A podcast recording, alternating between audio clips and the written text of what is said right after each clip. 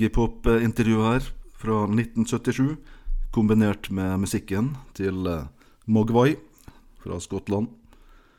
Eh, noe av det mest eh, melankolske og inspirerende musikken jeg har hørt. Jeg var veldig glad i Mogwai på tidspunktet her. Det er jo fra Common Young fra 1999. Eh, skotske Mogwai. Yes. Jeg er heldigvis ikke alene i studio her. Jeg har med meg min eh, beste venn og støttekontakt, Sindre. Jeppe, jeppe. En li kjapp liten popquiz helt innledningsvis. Eh, Husker du hvorfor de heter Mogwai? Hvor de har navnet fra? Gremlins. Ja, det stemmer, stemmer.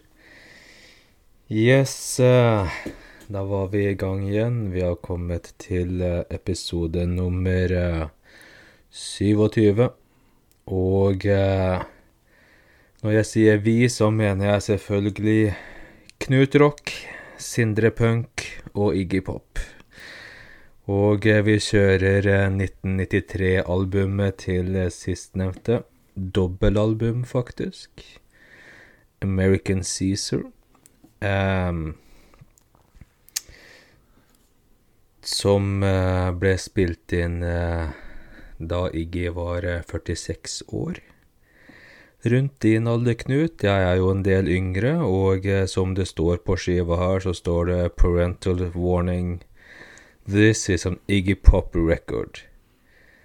Som selvfølgelig er eh, litt småpinlig i 1993. Det hadde passa bedre i eh, 1970, når han ga ut The Stooges-plater og faktisk var litt kontroversiell. Vi eh, har eh, et eh, tradisjonelt opplegg eh, til dere, ehm, hvor vi drar gjennom eh, et par faste spalter eh, utover, og eh, stort sett eh, fokuserer rundt eh, American Caesar-albumet før vi eh, i dagens sidespor skal eh, snakke litt om eh, multitalentet Iggy Pops eh, opptreden og bidrag til filmmedia, får man vel nesten si. Yes, Knut, vil du ta ordet litt igjen, kanskje? Eller? Ja, det kan du høre. American Caesar fra 1993. Vi har jo kommet til eh, 90-tallet her, da. Og eh, Iggy fikser jo en eh, oppsving. eh, ny interesse her på 90-tallet. Jeg vet ikke om du har noen teori der, eh, Sindre, om eh, hva det hadde seg?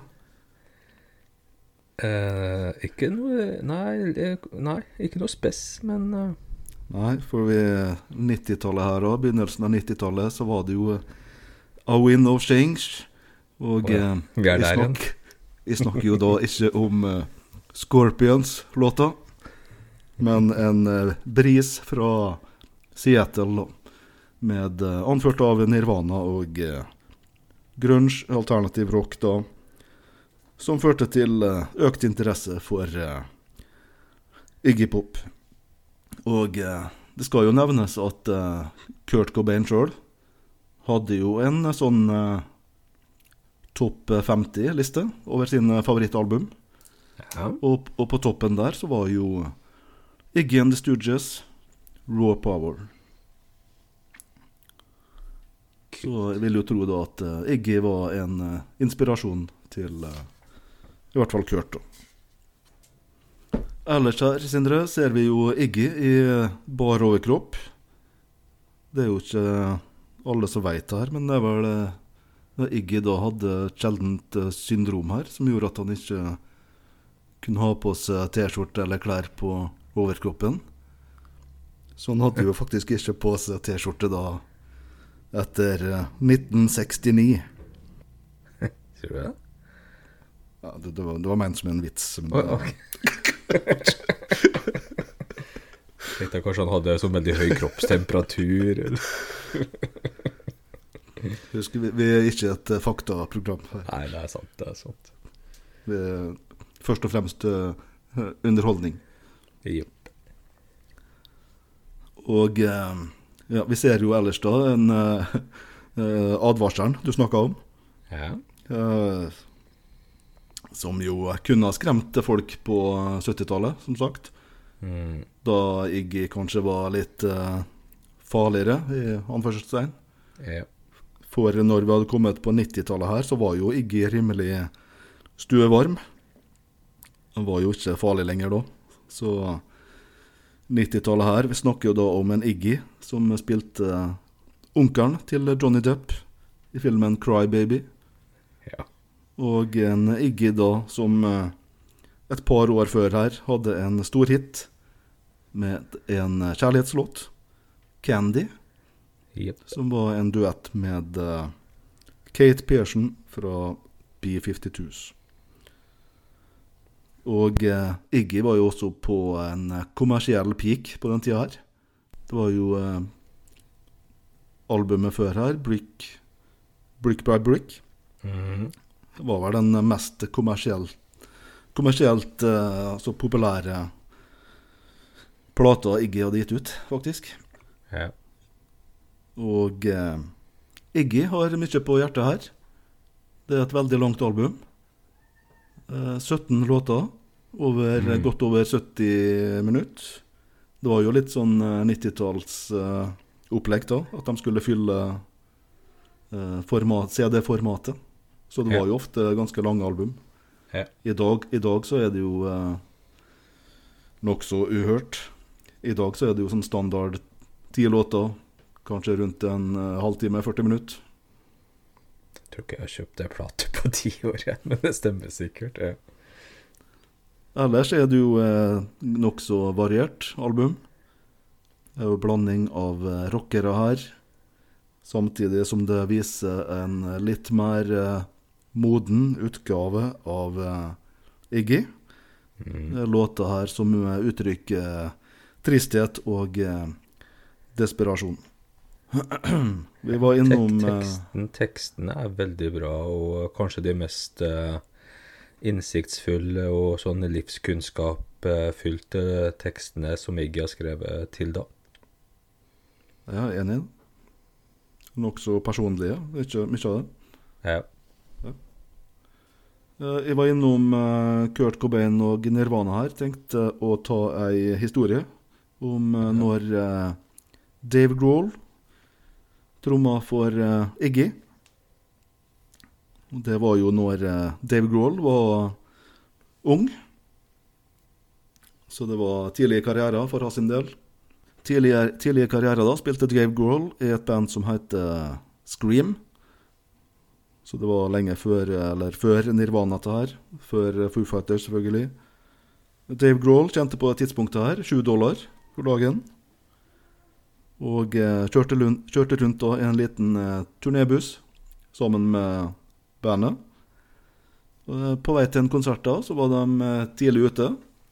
Det viste seg jo da at de vel var seks timer for tidlig ute her. Så de hadde plenty med dautid da. Så de satt jo i bussen og venta. Så, så kommer det en fyr og banker på vinduet. Så han spør jo da Who's the drummer? Og Dave Grohl tenker jo det Shit, hva er det de har gjort nå? Hm. Han eh, mannen da, han spør om han eh, kjenner til musikken til eh, Iggy. Og det gjør jo selvfølgelig Dave Grohl. Han er jo han er Iggy-fan og beundrer Iggy. Og det ender jo da med at Dave Grohl blir med inn i lokalene der. Der eh, møter han Iggy, som står der med gitaren. Og eh, sammen da så spiller de gjennom eh, I Wanna Be Your Dog og et par andre låter. Eh, før da Iggy snur seg mot eh, Dave Grohl og sier OK, vi går på scenen klokka seks. Og han spiller da konserten sammen med Iggy. Og to timer seinere er Grohl tilbake i soveposen i turnébussen. Sammen med bandet sitt uh, Scream.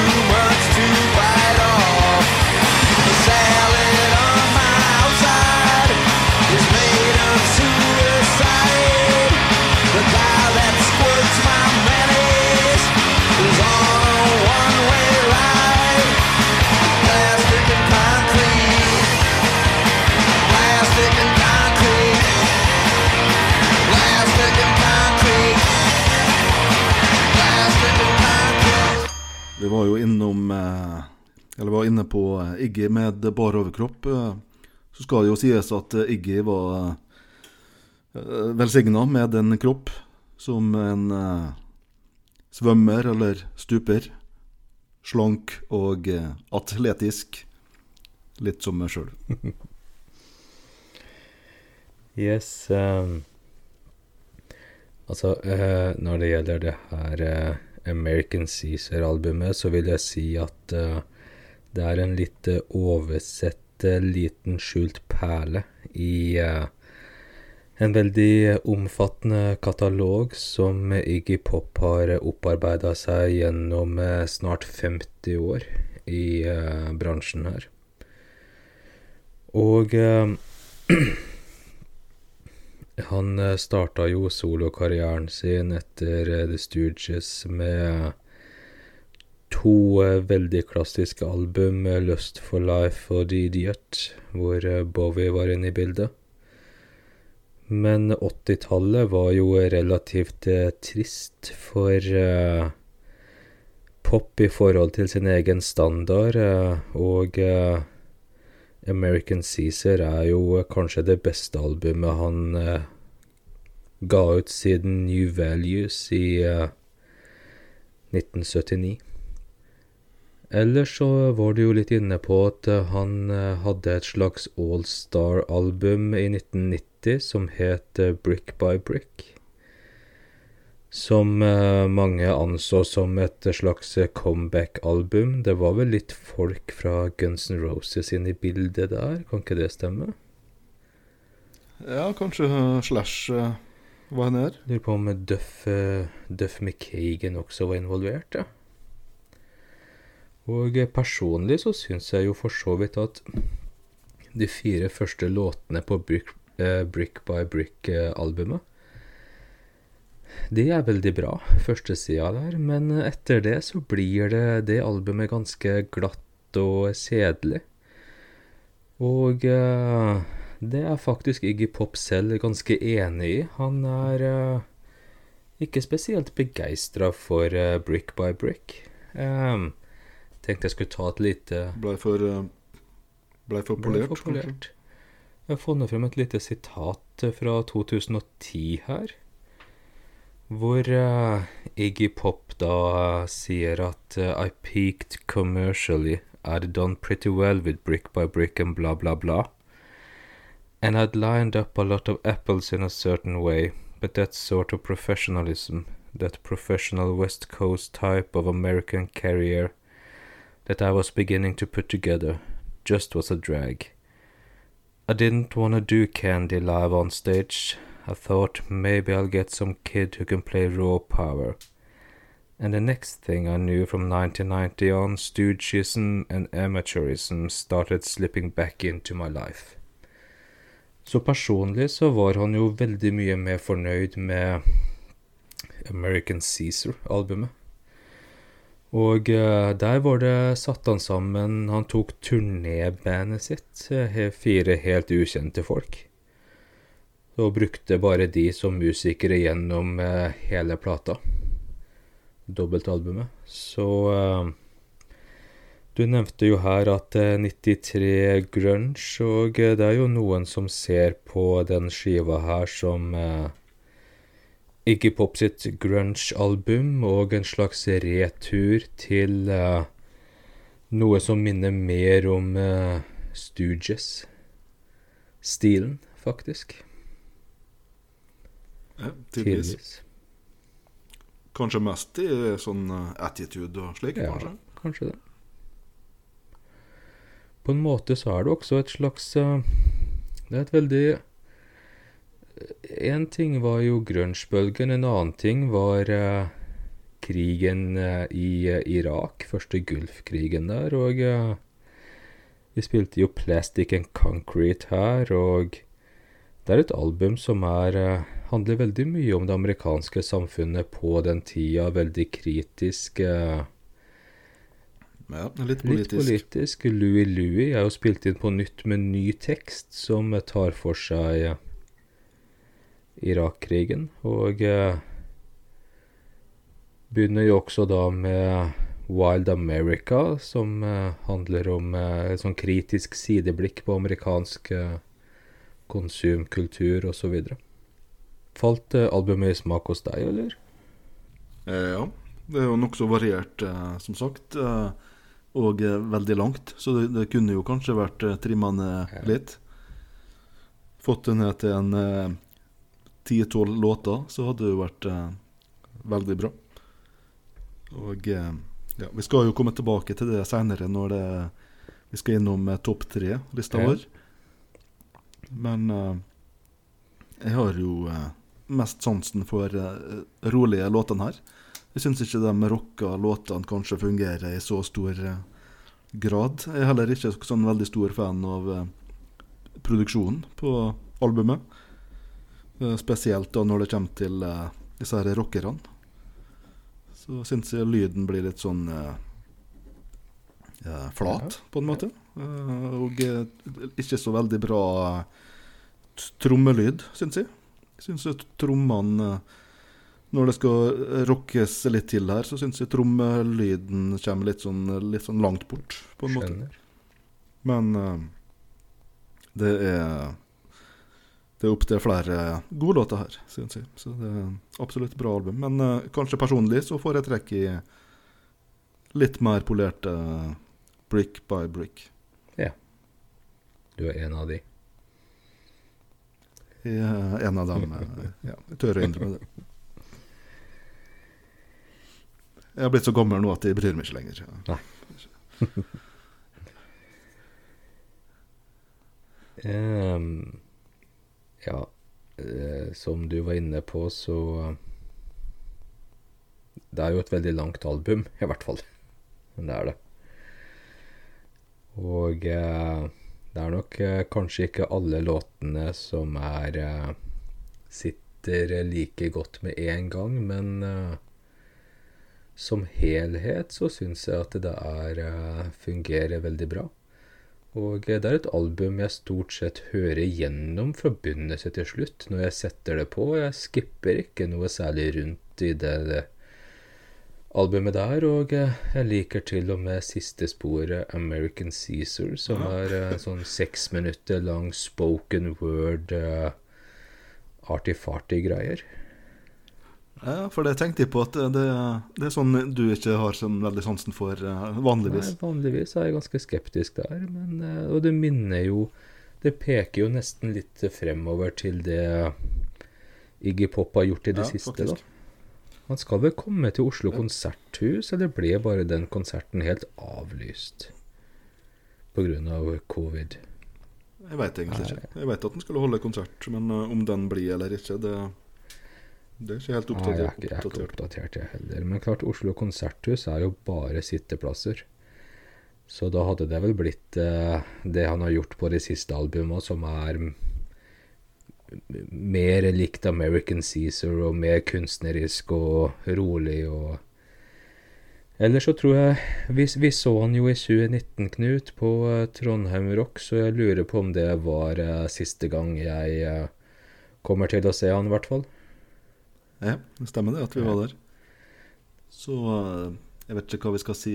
Kan jo begynne da med konserten der. At det, det er jo For det første så er det jo, det er jo jævlig kult å ha sett eh, Iggy live. En legende. Uh, Settlista var vel så som så eh, Det litt, bærer jo litt preg av at han eh, spiller det folk vil ha, gjerne. Og eh, jeg syns jo også det var eh, for mange Stooges-låter. Mm. Jeg er jo glad i Stooges, men eh, her er- skulle jo være Iggy solo. Ja. Og eh, det var vel seks uh, Stooges-låter på den Ja. konserten. Så godt over en eh, tredjedel, altså. Stooges. Og ellers er sånne The Passenger, Lust for Life Det er sånn, det er sånn type låter jeg har hørt for mange ganger, egentlig. Jeg trenger ikke å høre dem. Men eh, jeg forstår jo det at han eh, Han spiller vel kanskje det folk generelt uh, vil ha. Jeg, jeg skulle ønske at han spilte litt mer sånne dype spor og eh, ja, For eksempel, han, han spilte vel ingenting fra American Nei, Caesar? jeg tror ikke det. Nei. Nei, det var eh, Jeg er helt enig med deg, og eh, alltid kult å se en så legendarisk fyr, men jeg syns jo også at eh, stemmen hans og eh, trykket i vokalen var merkbart eh, mer dempa. Han begynner å dra på åra. Um, enn da jeg Han var veldig dårlig til fots. Ja, går veldig rart nå. eh, Jeg vet ikke om han gjør det nå, eller om det var eh, akkurat eh, Men akkurat når vi så han i Trondheim der, så gikk han jo og dro på ene Jeg så et klipp på YouTube fra en flyplass. Det så ikke bra ut, Knut. Der, Nei, jeg vet ikke hva om det Han har jo et eller annet sånn tilstand der med at Jeg jo ikke hva det kalles, men den ene foten er lenger enn den andre. Og slik da Så kanskje det har blitt verre med alderen. Går det an? Altså, ikke, at, ikke at det ikke har blitt lenger, men at, at kanskje det går, utover hofta og slikt. Ja, da, det kan være. Kan være. Jeg Belastning. merka i hvert fall at han var eh, Han er jo alltid aktiv på scenen, selvfølgelig, men jeg har sett han eh, Men der var det jo slik at han eh, Unnskyld. I Trondheim så satt han jo Ja, han gjorde det. det er, satt, satt ned på ja, stolen. sant. Jeg så han jo på Øyafestivalen for en god del år siden. Så så jeg han på Sentrum Scene. Og Sentrum Scene Jeg foretrekker alltid å se folk eh, innendørs eh, på en innendørs venue. Og det var jo faktisk en Stooges-konsert, da. Det var eh, den beste konserten jeg har sett med Iggy. Og der hadde de faktisk med seg han ene bassisten fra Minutemen. Um, som jeg ikke husker hva heter. Men uh, han er jo også en ganske sånn klassisk fyr. Og han eh, Det begynner å dra på åra, for han bassisten han sto jo med sånne støtte knestøtte på ene beinet og sånn for å kunne stå, stå oppreist i halvannen time. Ja, det var Stooges. Ja, det var Stooges. Ja, ja. For det vel, det ikke alle som er Det er noe som strøker med Ja, det var det. Ja, det var, så det var ikke original Det var ikke originalbassisten, da. Det var jo Nei, riktig. Yes, skal vi dra en låt til fra American Caesar, eller? Um, jeg, jeg tenkte vi kunne si noe om en person som har vært viktig for uh, Iggy her. ja. Ehm, David Bowie. Som vel må sies og uh, ikke bare redda karrieren til Iggy Pop, men eh, kanskje også livet til eh, Iggy Pop. Eh, ikke én gang, men eh, to ganger. Det var jo slik da at Bowie og Iggy møttes jo i 1971. Bowie produserte tredje albumet til Iggy and the Stooges, Raw Power. Fem år senere, 1976, så var begge hekta på drugs. Det var heroin på Iggy, mens eh, Bowie gikk på kokain. Og eh, Iggy and the Stooges hadde jo blitt eh, oppløst av eh, Iggy sitt narkotikamisbruk. Og Iggy på den tida var veldig langt nede. Han var vel på et tidspunkt her innlagt år. På en, en eller annen institusjon. Sinnssykehus. Ja. Og han var jo òg en periode en eh, hjemmeløs junkie. Så da på slutten av 70-tallet eh, Bowie tok med seg Iggy og flytta til eh, Berlin. Det er jo litt sånn pussig, i og med at Berlin er heroinhovedstaden i Europa. Men det visste han visst ingenting om. Havna i hvert fall i Berlin der. Men uh, i Berlin der så det ga i hvert fall uh, voldsomme frukter musikalsk. Uh, samarbeidet der med Iggy og Bowie. Og sammen der da så produserte de Iggy-albumene The Idiot og Lust for Life, som du var inne på, Sindre. Og Bowie fullførte sin Berlin-triologi. Eh, Low, Heroes og eh, Lodger. Og eh, alle disse albumene er jo i dag regna som klassikere. Det må ha vært i Etter Det må ha vært jævlig snålt hvis de to delte leilighet, og én går på kokain og den andre går på heroin. Jeg skjønner ikke hvordan det Jeg forstått, går opp. jeg har forstått det slik at det var nokså mye festing og slik. Ja. Men Bowie var jo veldig produktiv eh, den perioden her. Etter sommerarbeidet her i Berlin så havna jo eh, Iggy igjen på i uføre. Rota seg bort i ru rusmisbruk. Eh, ga ut plater på 80-tallet. Mista stadig mer og mer fokus. Tok seg til slutt ei pause. Og eh, når han gjorde comeback i 1986, så var det nok en gang med eh, Bowie som eh, hjalp der med albumet Bla, bla, bla. Og eh, Iggy og Bowie forblei vel venner da, fram til i hvert fall ja, begynnelsen av 2000-tallet, så skar det seg faktisk litt.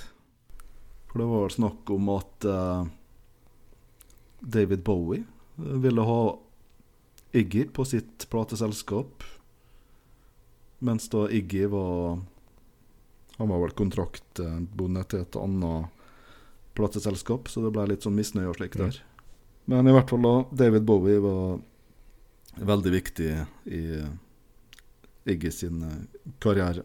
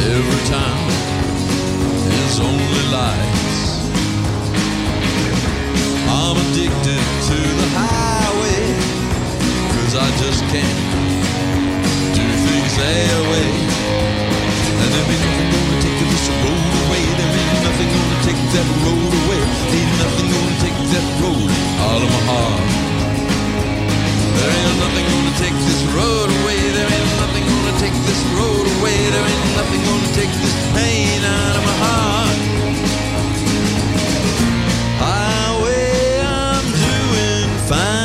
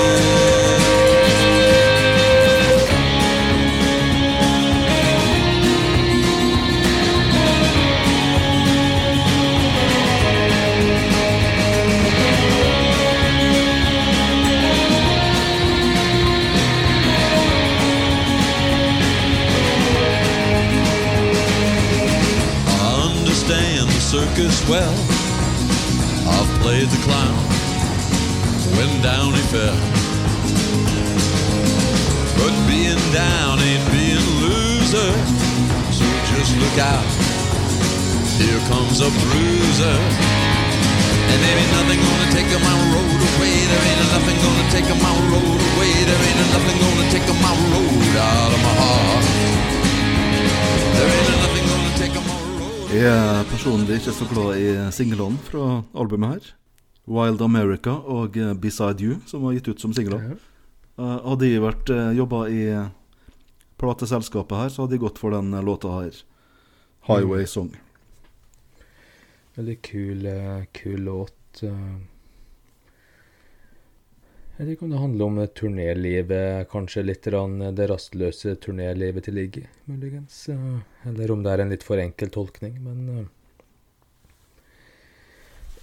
Du nevnte jo litt uh, at han var inne i litt sånn uh, retningsløs uh, Det retningsløse 80-tallet og at han begynner å få litt mer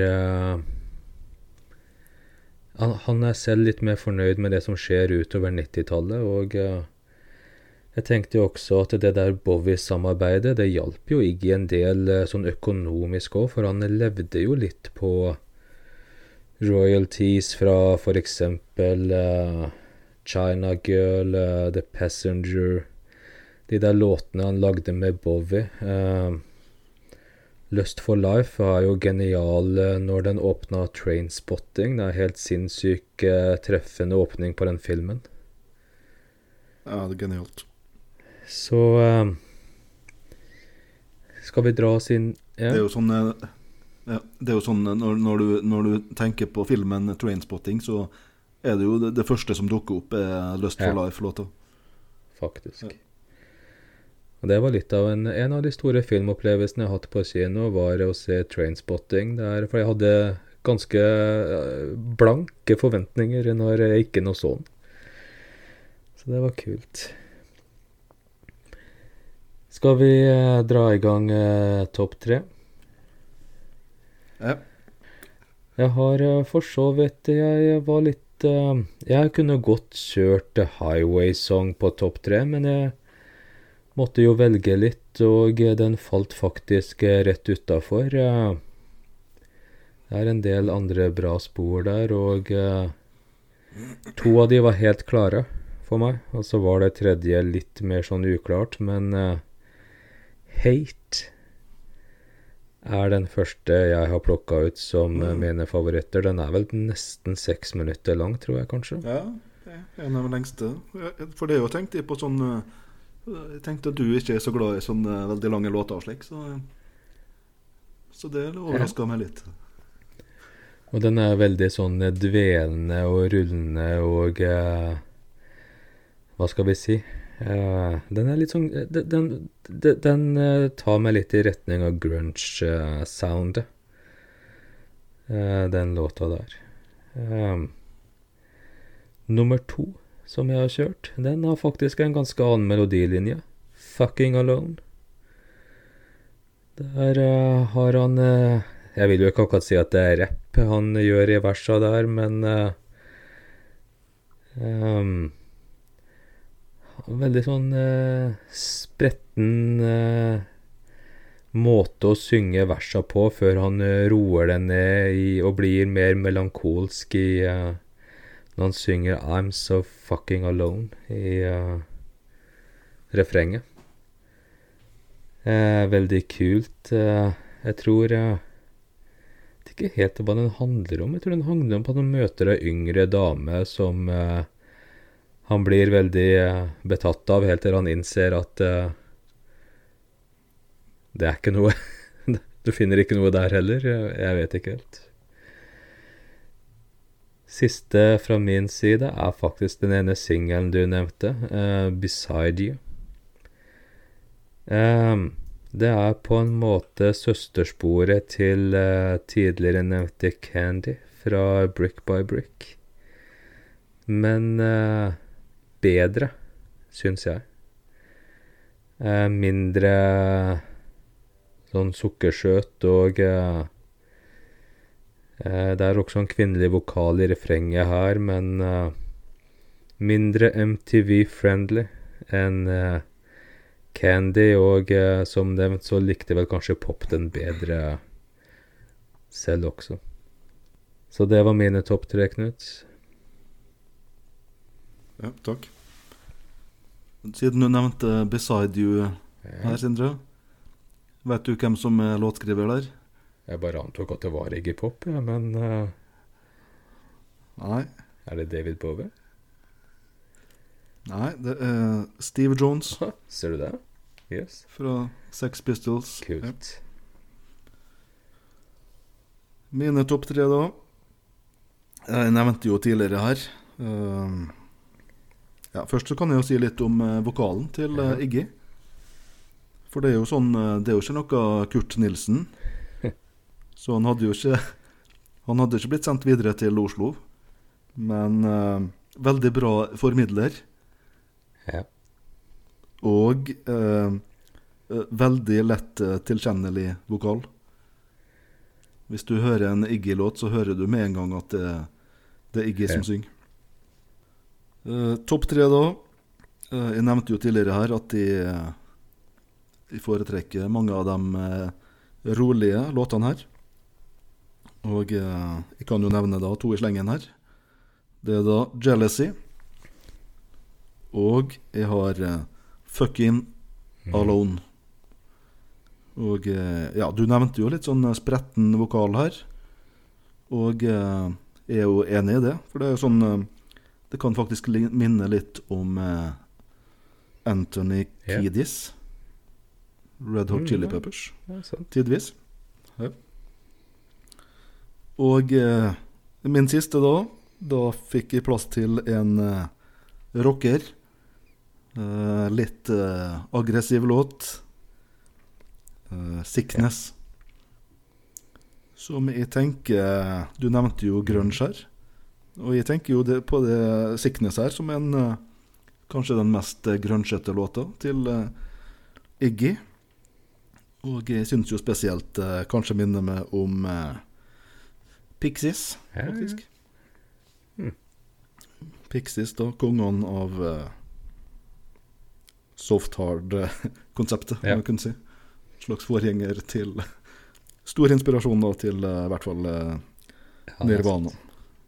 Eh, Kurt Cobain har vel sagt at uh, 'Smells Like Teen Spirit' er en uh, rip-off av eh, sant. Pixies. Skal vi ta en låt, eller? Skal vi ha fun facts, eller skal vi ha låt? Ja, satan, jeg glemmer fun facts. ja. ja, men kjør på. Jeg har uh, greid å uh, skrape sammen hele to fun facts i dag. Og eh, jeg tror den første jeg tar, det er at uh, vi har jo uh, hele tiden sett American Caesar opp mot Brick by Brick. Brick by Brick var faktisk det første Iggy-låtet som solgte til gull. Så uh, da hadde han jo vært i bransjen i nesten 30 år før han fikk gullplate. Um, det er jo litt uvanlig, kanskje. Den andre Ja, jeg vil vel tro at det, er flere av disse platene som uh, kanskje ikke slo til i, eh, Ja. i, i, i den tida, men som har blitt uh, store klassikere i ettertid. Ja, det er sant. Ja. Det var vel Candy og Hva heter den andre singelen fra Brick by Brick som er veldig kjent? da? Edge of the Night eller et eller annet sånt? Eller Jeg er usikker. En sånn veldig rolig sak. En annen fun fact det er at uh, Det her er vel kanskje ganske tvilsomt, da, men uh, det påstås at uh, det var Iggy Pop som fant opp stagediving. uh, at det er første gang det ble filma, i hvert fall. I 1970. Ja. Det var at han stupte Ja, ut i publikum og stagediva da. Her kan jeg godt koble det litt opp mot eh, konserten på Sentrum Scene, fordi der eh, ble Det er veldig sjelden det skjer noe oppsiktsvekkende på en eh, livescene i vår tid, i hvert fall med litt større artister, men der, helt uten forvarsel, så stupte Iggy Pop rett ut i publikum, og jeg trodde egentlig han hadde klikka i vinkel og skulle fly på noen, fordi vanligvis når eh, store artister skal stagedive, så holder de jo på å bygge opp det her eh, Du sa at han var som en stuper, eh, og jazze opp og forberede seg, og det eneste du håper på, er at ingen tar imot. Men det var jævlig kult når han bare sprang ut totalt uten Uten forvarsel. Det var jævlig stilig, og sikkert litt synd for de som fikk han rett i huet. Han er ikke så høy, da. Han er jo faktisk eh, Han er vel eh, Jeg vet ikke om han bikka Er han 1,60 eller noe sånt, eller? eh? Nei, jeg tror, jeg tror faktisk han er bortimot Ah, 1,70. det er såpass. ja. Han har sikkert blitt høyere med åra. Det ene beinet er langt. Spørs hvordan fot han står på. Men det var jævlig eh, stilig å se eh, når han eh, Det var sinnssykt kult når han dro det stuntet der. Jepp Knut, det hva er det du Du har som regel litt bedre kvalitet på dine fun facts enn jeg har. Jeg er ferdig for øvrig. Ja. Vi tar jo Oi, vent litt. Vi tar jo da første her. Eh, film. Du er glad i film, Sindre. Og spesielt da Lord of the Rings. Ringe, Ringenes herre. Uh, filmskaperne bak filmen uh, Lord of the Rings da brukte bevegelsene og kroppen til uh, Iggy som eh, basis til eh, karakteren Gollum. Ja. Det er Gollum. Det er det. Har du sett de filmene, eller? Ja, litt, li. Nei, så sovna hver gang. De er jævla dårlige. Men uh, jeg, jeg vet Jeg har sett Gollum, da. Jeg vet, jeg vet uh, hvordan han ser ut. Um, um, uh, ja, jeg ser for, jeg ser for meg litt sånn uh, Hva det heter Bjarte Tjøstheim hadde jo litt sånn parodi på Stemmer. ja, ja, så Sånn som Iggy Iggy gikk på scenen i Trondheim, så var det jo med Gollum Ja, faktisk. Ja. Men han begynner å bli gammel nå, skal sies. Jeg så litt på det. Han er oppe i 70 nå? Er det Ja. ja. oppe i 70-årene? det er. Ja. ja så. Eh, vi tar Iggy-låt. eh, en av de største hitene. 'The Passenger'. Det handler, handler jo da om eh, Iggy og Bowie. Og Iggy er jo passasjeren nå. Da han verken hadde bil eller lappen på den tida. Ok. En siste her, Sindre. Og da er det av med cupen og på med eh, nisselua. Det, det vises jo da at eh, Iggy har eh, norske aner. For da mens faren til Iggy var irsk-engelsk, så kom moras foreldre fra Danmark og Norge. Så det viser seg jo da at Iggy har en dansk Unnskyld. Norsk mormor. Så da norsk blod i årene på Iggy. Kult.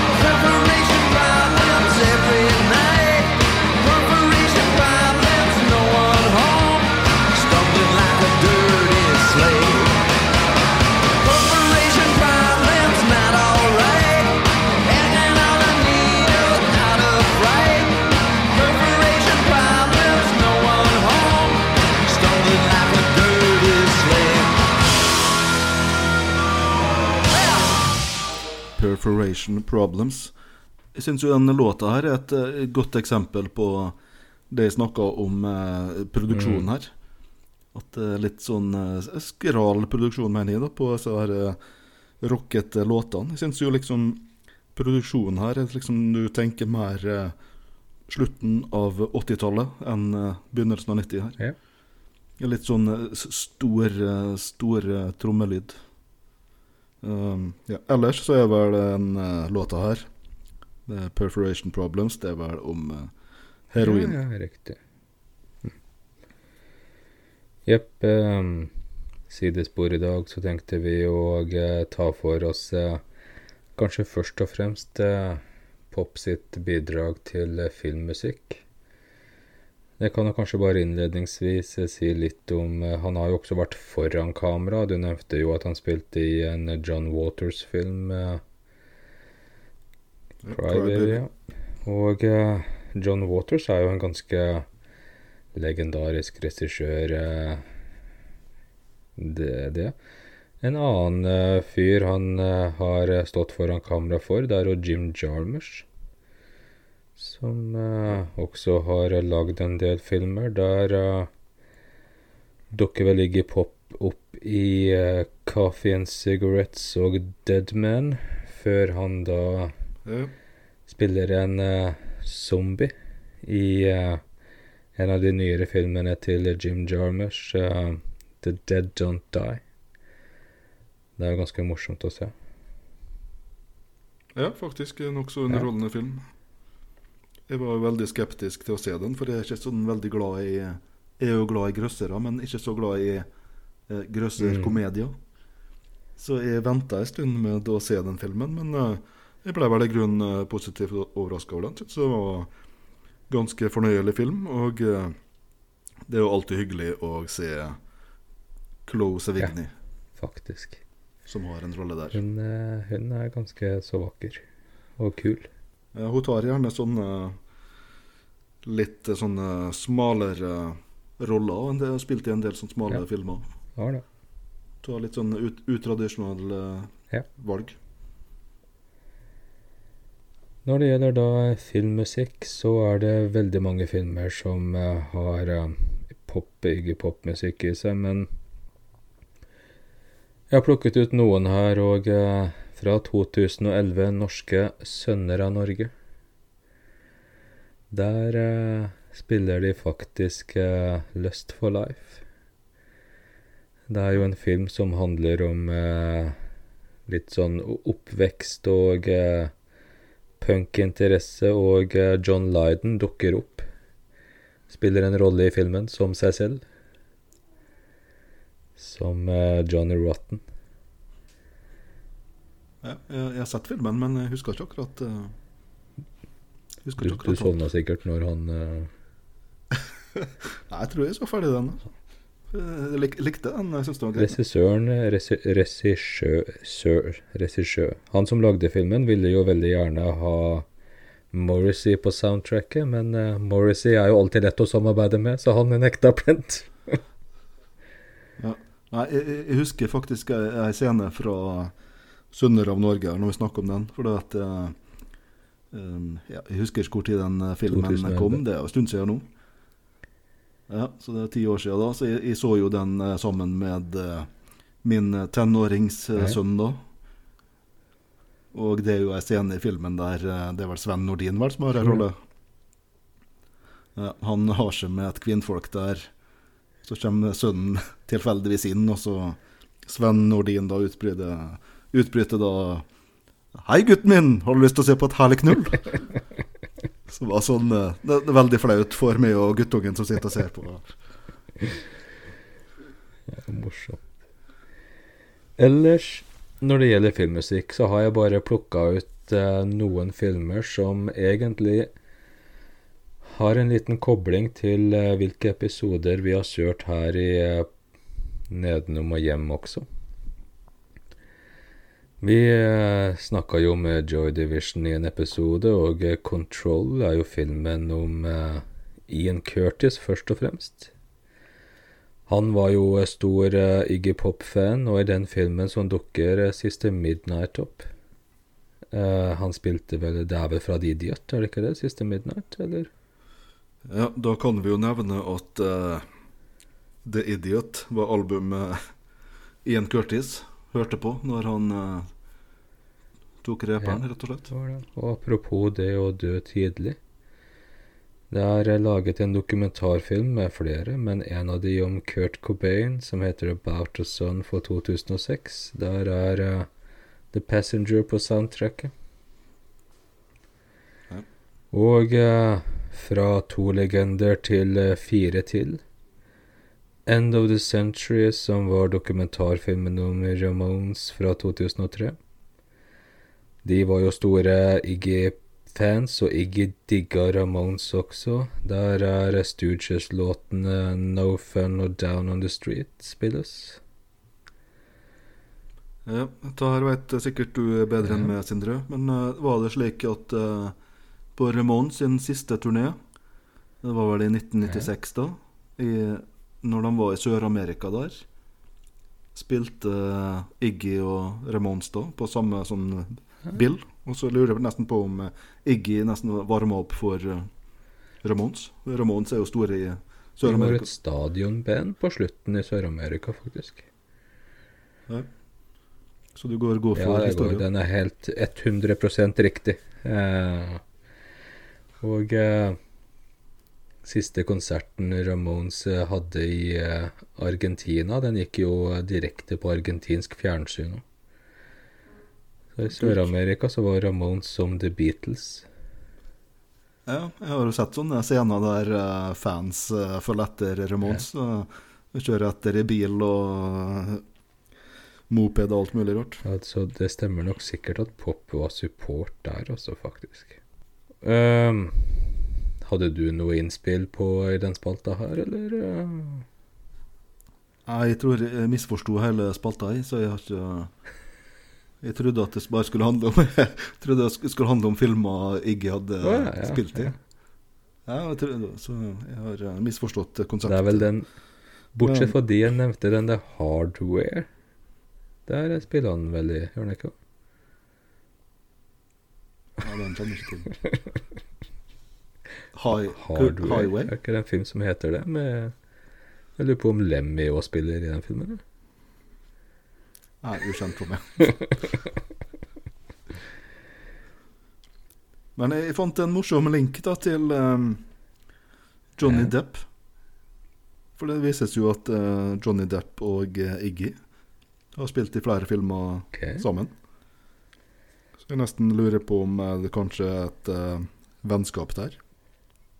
Jeg veit jo Johnny Depp er ganske rockeinteressert, så det jo, kan jo tenkes at de fant Han eh, spiller jo i band med Alice Cooper, til og med.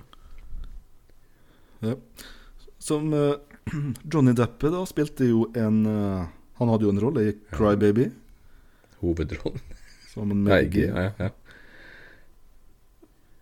Og eh, Deadman ja. også, Mm. begge to. Og uh, Iggy hadde en uh, liten rolle i filmen uh, The Brave. Okay. Som er Johnny Depp sin første og eneste film som regissør. Vi eh, nærmer oss slutten her, og vi tenkte vel også å kjøre et av soundtracka Iggy har lagd. Vi er tilbake til en av de dårligste skrekkfranchisene, spør du meg. Nightmare on Elm Street og Freddy's Dead. Jeg vet ikke om det er eh, Er det femmeren i den serien, eller noe sånt? Der må jeg skyte inn at uh, Iggy har jo ikke rolle i filmen. Men uh, det har derimot Ja. Johnny Depp I femmeren. Ja, Johnny Depp spiller i den første. Ja, ja, det, det var ja, debuten hans. Men han, han, han, han dukker opp som en sånn cameo i Freddy's Dead. Ok, riktig. Det, det, det er flere sånne som har sånne cameo-roller. The Final Nightmare var vel en slags avslutning, da, kanskje Før de fortsatte. Uh, ja, det var, Freddy's Dead her var vel ment å skulle være Ja. siste filmen. Og så kom det en ny film tre år senere. Og på et tidspunkt så blir det jo Freddy versus Jason og sånn der. Og det blir jo bra. Sånn har Nightmare on Elm Street. Jeg sa vel fredag den 13. Nightmare on Elm Street-serien er det.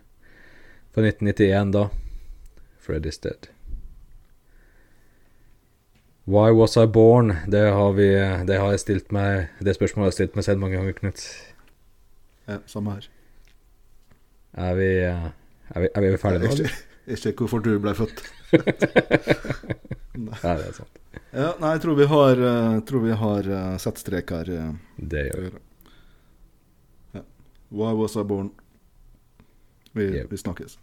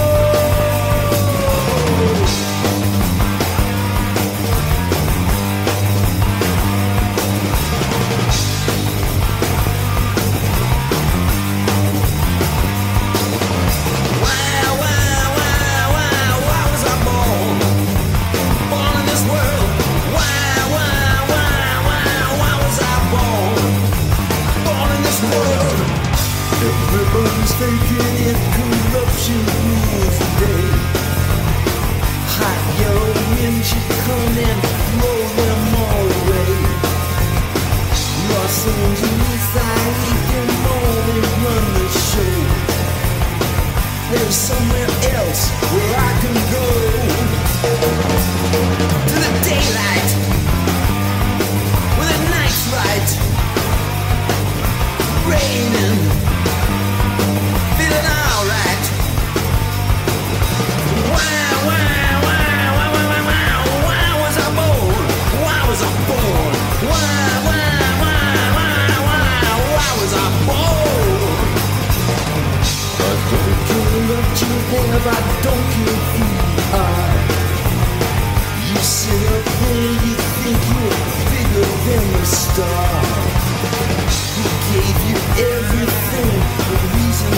to feel. There's nothing you've got to